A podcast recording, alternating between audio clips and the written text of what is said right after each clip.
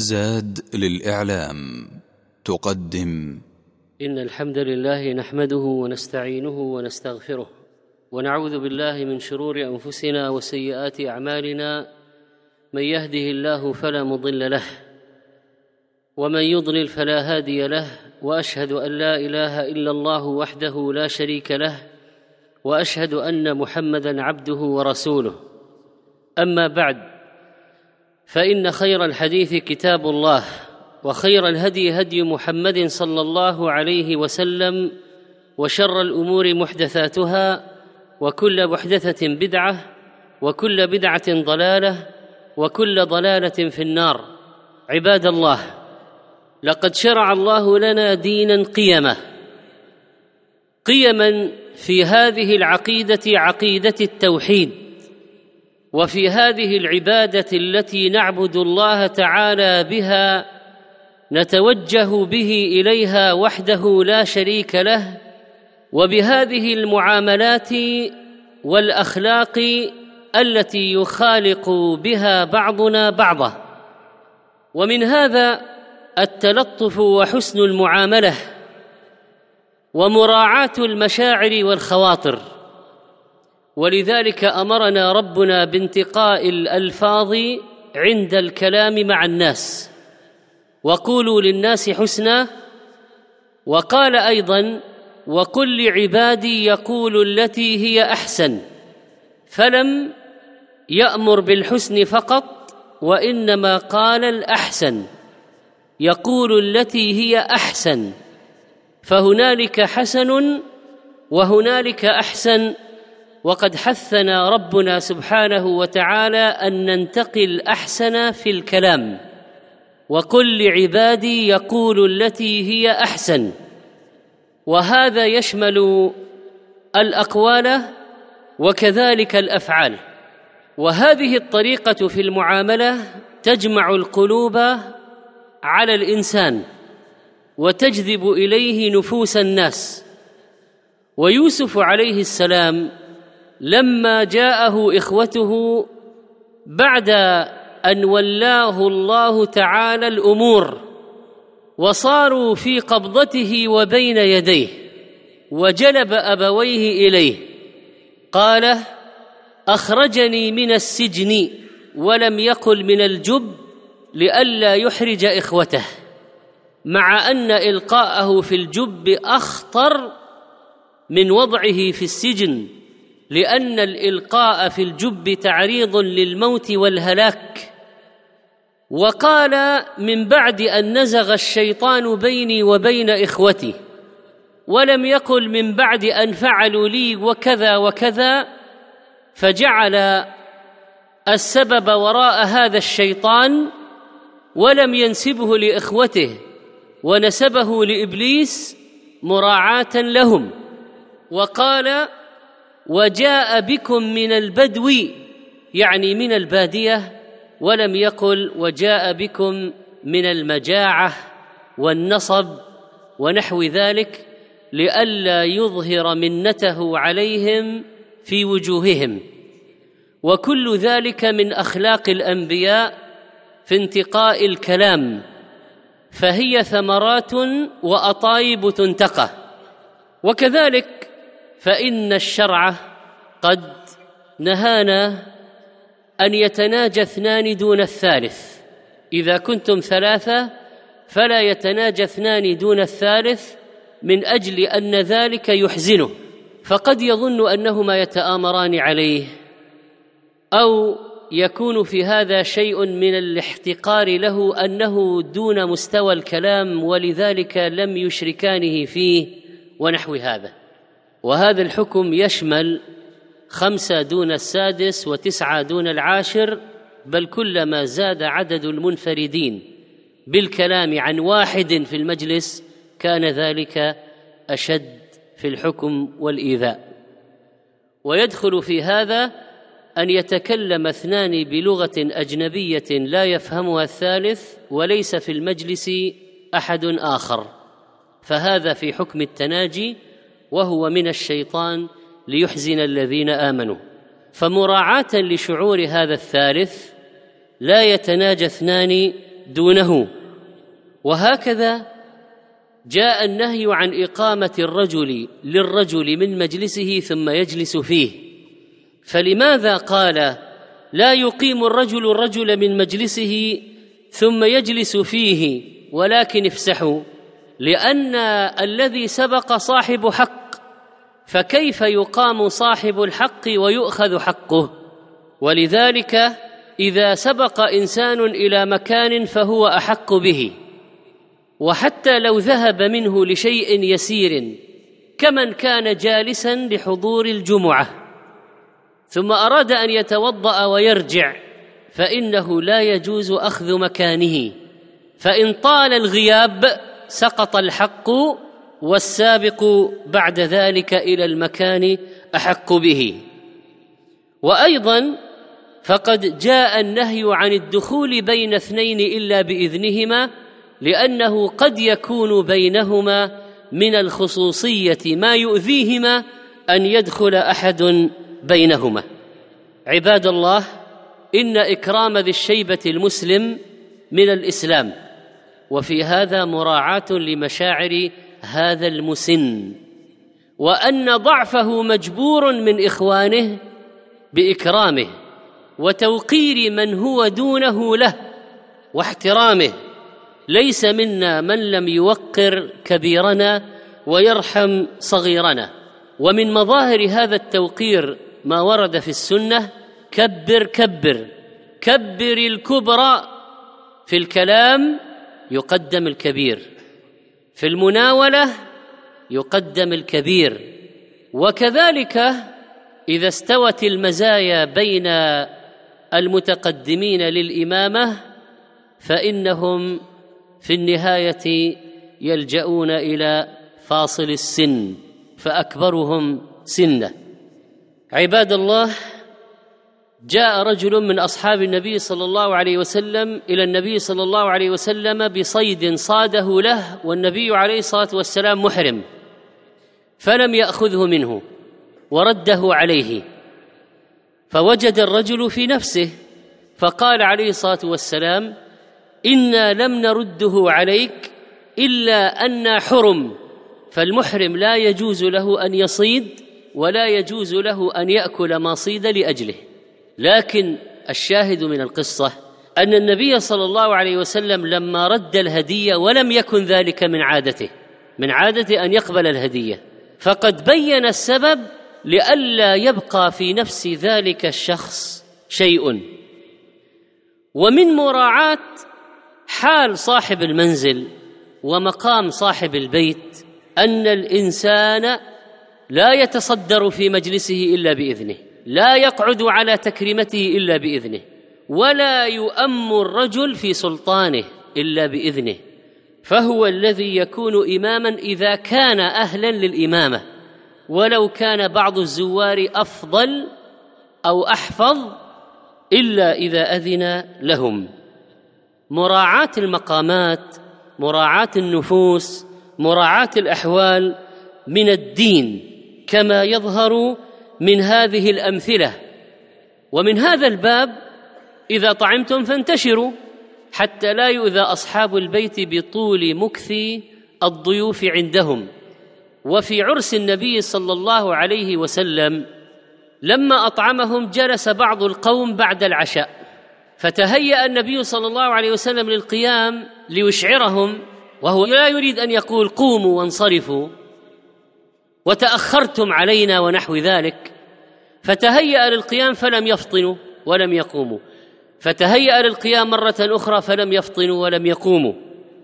فنزل قول الله عز وجل إن ذلكم كان يؤذي النبي فيستحي منكم والله لا يستحي من الحق. وكذلك فقد جاء في حق الضيافة أنها ثلاثة أيام فما كان بعد ذلك فهو صدقة. قال في الحديث ولا يحل له أن يثوي عنده حتى يحرجه فلا يجوز أن يبقى بعد الثلاثة ويضيق على أخيه.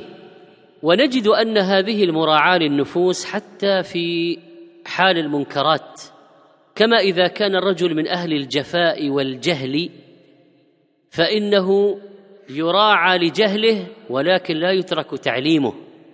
فلما جاء ذلك الأعرابي فبال في طرف المسجد فقام الصحابة عليه فأمرهم النبي صلى الله عليه وسلم بتركه ماذا قال له بعد ذلك؟ إن هذه المساجد لا تصلح لشيء من هذا البول ولا القذر وإنما هي لأجل ماذا؟ تلاوة كلام الله عز وجل. قال وإنما هي لذكر الله عز وجل والصلاة وقراءة القرآن. لما فقه الأعرابي بعد ذلك وتعلم وجلس بين الصحابة وروى القصة قال في القصة فلم يؤنب ولم يسب النبي عليه الصلاة والسلام لما دعاه قال فلم يؤنب ولم يسب مع أن الأمر في الظاهر منكر عظيم فلم يترك النبي عليه الصلاة والسلام المنكر لم يترك المنكر بل وعظ الرجل وعلم الرجل ونبه الرجل وإنما كان ذلك بالأسلوب المناسب له. فربما لو هجموا عليه قام فهرب منهم فانتشر البول في مكان أوسع فأدى الإنكار هنا إلى إلى منكر أكبر فلا يجوز ترك المنكر ولكن يعالج بالأسلوب الأمثل الذي لا يؤدي إلى إحداث منكر أكبر منه. من اللطائف التي كانت لسلفنا في مراعاة الناس عندما يتركون واجبا أن رجلا عطس في مجلس ابن المبارك رحمه الله وابن المبارك من أئمة العلم والزهد والفقه والجهاد والصدقات والفقه. عطس رجل في مجلس ابن المبارك فلم يحمد الله. فقال له عبد الله بن المبارك ماذا يقول الرجل إذا عطس؟ فقال الحمد لله قال يرحمك الله. وقد جاء في الحديث لا تحد النظر إلى المجذومين وفي هذا مراعاة أصحاب العاهات والأمراض وأن من كان النظر إلى عاهته يؤذيه لا يحد النظر إليه ولا يكرر ولا يواصل مراعاة لحاله ونفسيته وعندما شرح العلماء الذكر الذي يقال في رؤية المبتلى الحمد لله الذي عافاني مما ابتلاك به وفضلني على كثير ممن خلق تفضيلا قالوا إنه لا يجهر به. فهذا الذاكر إذا مر بالمبتلى يسر به ويخفيه عن المبتلى لئلا يتأذى من ذلك. وذكروا حالة يجهر فيها وهو إذا مر بمبتلى في الدين مجاهر بالمعصية. فإذا مر بمجاهر بالمعصية جهر أمامه بقوله الحمد لله الذي عافاني مما ابتلاك به زجرا له وردعا وتأثيرا.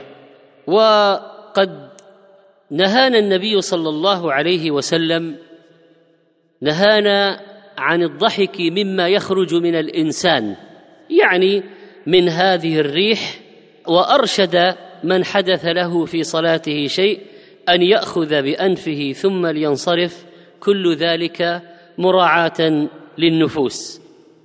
ومن عجائب المراعاة للأطفال ونفسياتهم أن النبي صلى الله عليه وسلم سجد مرة في الصلاة سجدة أطال فيها فقلق بعض الصحابة فرفع رأسه فإذا النبي صلى الله عليه وسلم ساجد وفوقه حفيده فلما انصرفوا من الصلاة قال بعض الصحابة للنبي صلى الله عليه وسلم حدث شيء؟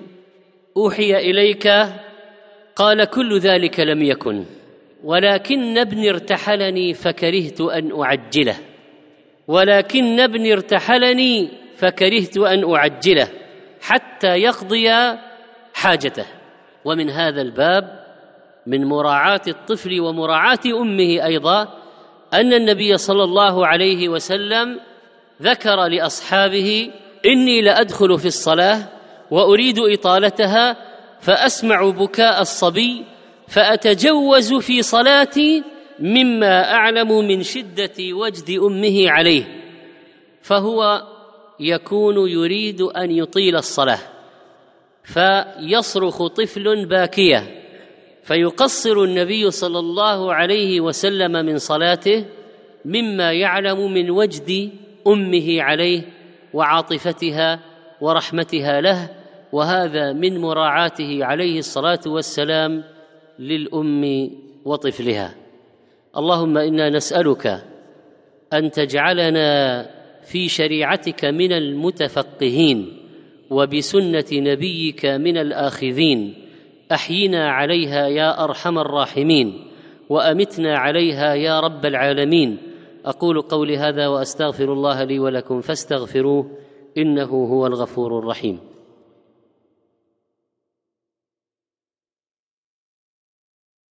الحمد لله أشهد أن لا إله إلا هو لم يتخذ صاحبة ولا ولدا وأشهد أن محمدا عبد الله ورسوله. بلغ الرسالة وأدى الأمانة ونصح الأمة فصلوات الله وسلامه عليه وعلى آله وذريته الطيبين وخلفائه الميامين والتابعين لهم بإحسان إلى يوم الدين أشهد أنه رسول الله حقا. والداعي إلى سبيله صدقا فصلوات الله عليه وسلامه التامين الأكملين. عباد الله إن من مراعاة المشاعر مراعاة هؤلاء الضعفاء ومنهم المستخدمون. قال عليه الصلاة والسلام إذا أتى أحدكم خادمه بطعامه فإن لم يجلسه معه فليناوله لقمة أو لقمتين. قال في الحديث فإنه ولي علاجه. يعني علاج الطعام في الطبخ وفي رواية فإنه ولي حره ودخانه. فهذا الطباخ وهذا الخادم الذي تولى صنع الطعام وعانى في ذلك وشق عليه ما شقه ربما تهفو نفسه إلى الأكل منه.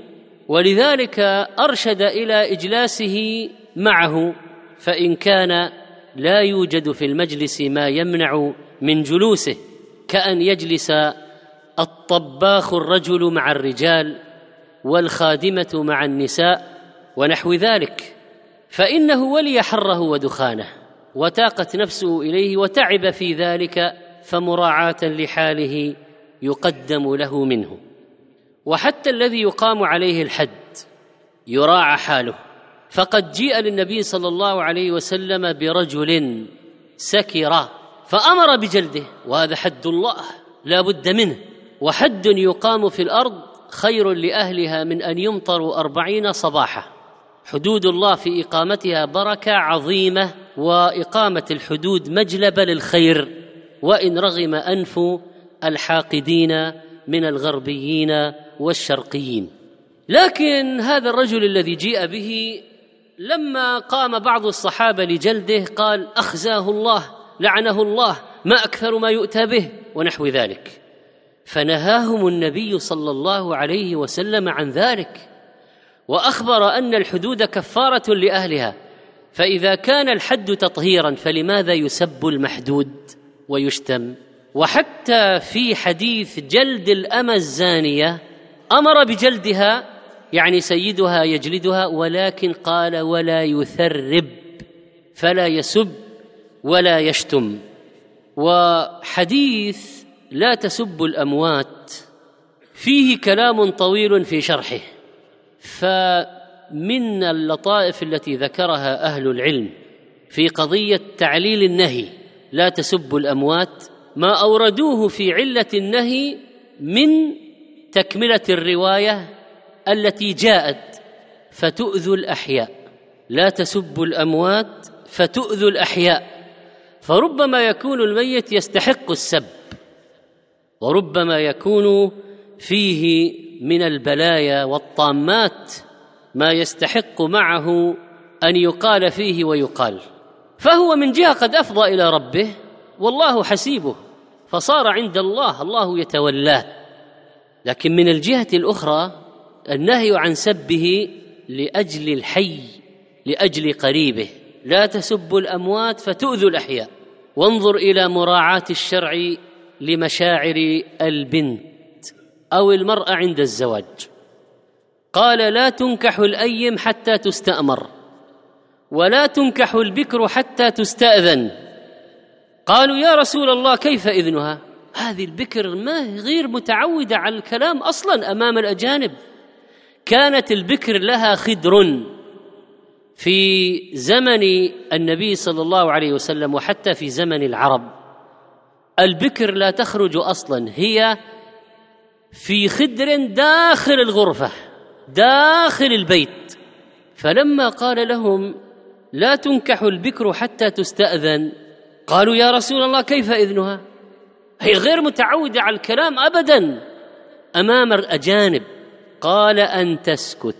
فراعى حياءها واكتفى بالسكوت في الموافقة. ولو أرادت الاعتراض لتكلمت. هذا من تربيتهم للبكر في ذلك الوقت.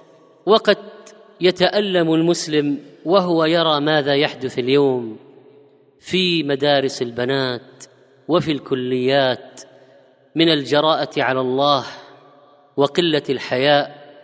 وهذا الانفتاح الذي أضر بالدين والخلق والله. ولذلك لا بد من العودة بتربية البنات إلى نهج السلف الأول وأن يكون هنالك صيانة بالغة للحياء ومحافظة على عفاف بنات المسلمين. وأيضا فإن من المراعاة للمشاعر ما يكون من مراعاة المأمومين لحال إمامهم. في عدم الاعتراض عليه إذا طبق بهم السنة وقد لا يكون عند بعضهم علم بها وهو عليه أن يراعي أحوالهم في قيامه بأعماله في الصلاة وأحيانا تكون الموازنة فيها صعوبة. مثلا هو راكع فدخل رجل وقد ركع الإمام ويريد أن يرفع. فهو مراعاة لحال الداخل يريد أن يطيل لأجل أن يلحق الداخل به ولا يخيب أمله في إدراك الركعة. ومن جهة أخرى لا يريد أن يطيل على هؤلاء المأمومين الذين بقوا راكعين وراءه هذه المدة. فهو بين بينه. يطيل شيئا ما ليدرك الداخل الركعة مراعاة له ولا يشتد ولا يزيد في الإطالة مراعاة لحال المأمومين. وهكذا ينبغي اتباع السنة لأن عدم اتباعها يؤدي إلى المشقة. كمثل أن يستمر في دعاء التراويح أكثر بعضهم من أربعين دقيقة وهذا ليس من السنة في شيء. فلم يرد في السنة دعاء تراويح طويل بهذا بل إن بعض أهل العلم لا يرى أصلا الدعاء في كل آه، ركعة وتر. وربما أرشد بعض أهل العلم إلى تركه أحيانا ليعلم الناس أن الدعاء في ركعة الوتر ليس واجبا. وأما هذه الإطالة فإنها تسبب المشاق. ولذلك قالت عجوز صليت وراء إمام أطال في الدعاء جدا فصار يدعو وأنا أدعو أن يفرغ. عباد الله إن هذا الباب وهو مراعاة أحوال الناس بعضهم لبعض من الدين ومن الخلق العظيم فينبغي المحافظة على ذلك وهو من كمال شريعتنا. نسأل الله عز وجل أن يجعلنا أجمعين من المغفور لهم. اللهم لا تفرغ جمعنا هذا إلا بذنب مغفور وعمل مبرور وسعي مشكور وتجارة لا تبور. اللهم آمنا في الأوطان والدور وأصلح الأئمة وولاة الأمور. واغفر لنا يا عزيز يا غفور. اللهم إنا نسألك رحمة تلم بها شعثنا وتجمع بها على الحق كلمتنا وتقضي بها ديوننا وترحم بها موتانا وتبرئ بها مرضانا وتهدي بها ضالنا وترد بها غائبنا. اللهم إنا نسألك خشيتك في الغيب والشهادة ونسألك كلمة الحق في الغضب والرضا ونسألك القصد في الغنى والفقر ونسألك نعيما لا ينفد وقرة عين لا تنقطع ولذة النظر إلى وجهك والشوق إلى لقائك في غير ضراء مضرة ولا فتنة مضلة. اللهم زينا بزينة الإيمان واجعلنا هداة مهتدين. اغفر لنا ولوالدينا ولإخواننا وأخواتنا من المسلمين والمسلمات. يا أرحم الراحمين. سبحان ربك رب العزة عما يصفون وسلام على المرسلين والحمد لله رب العالمين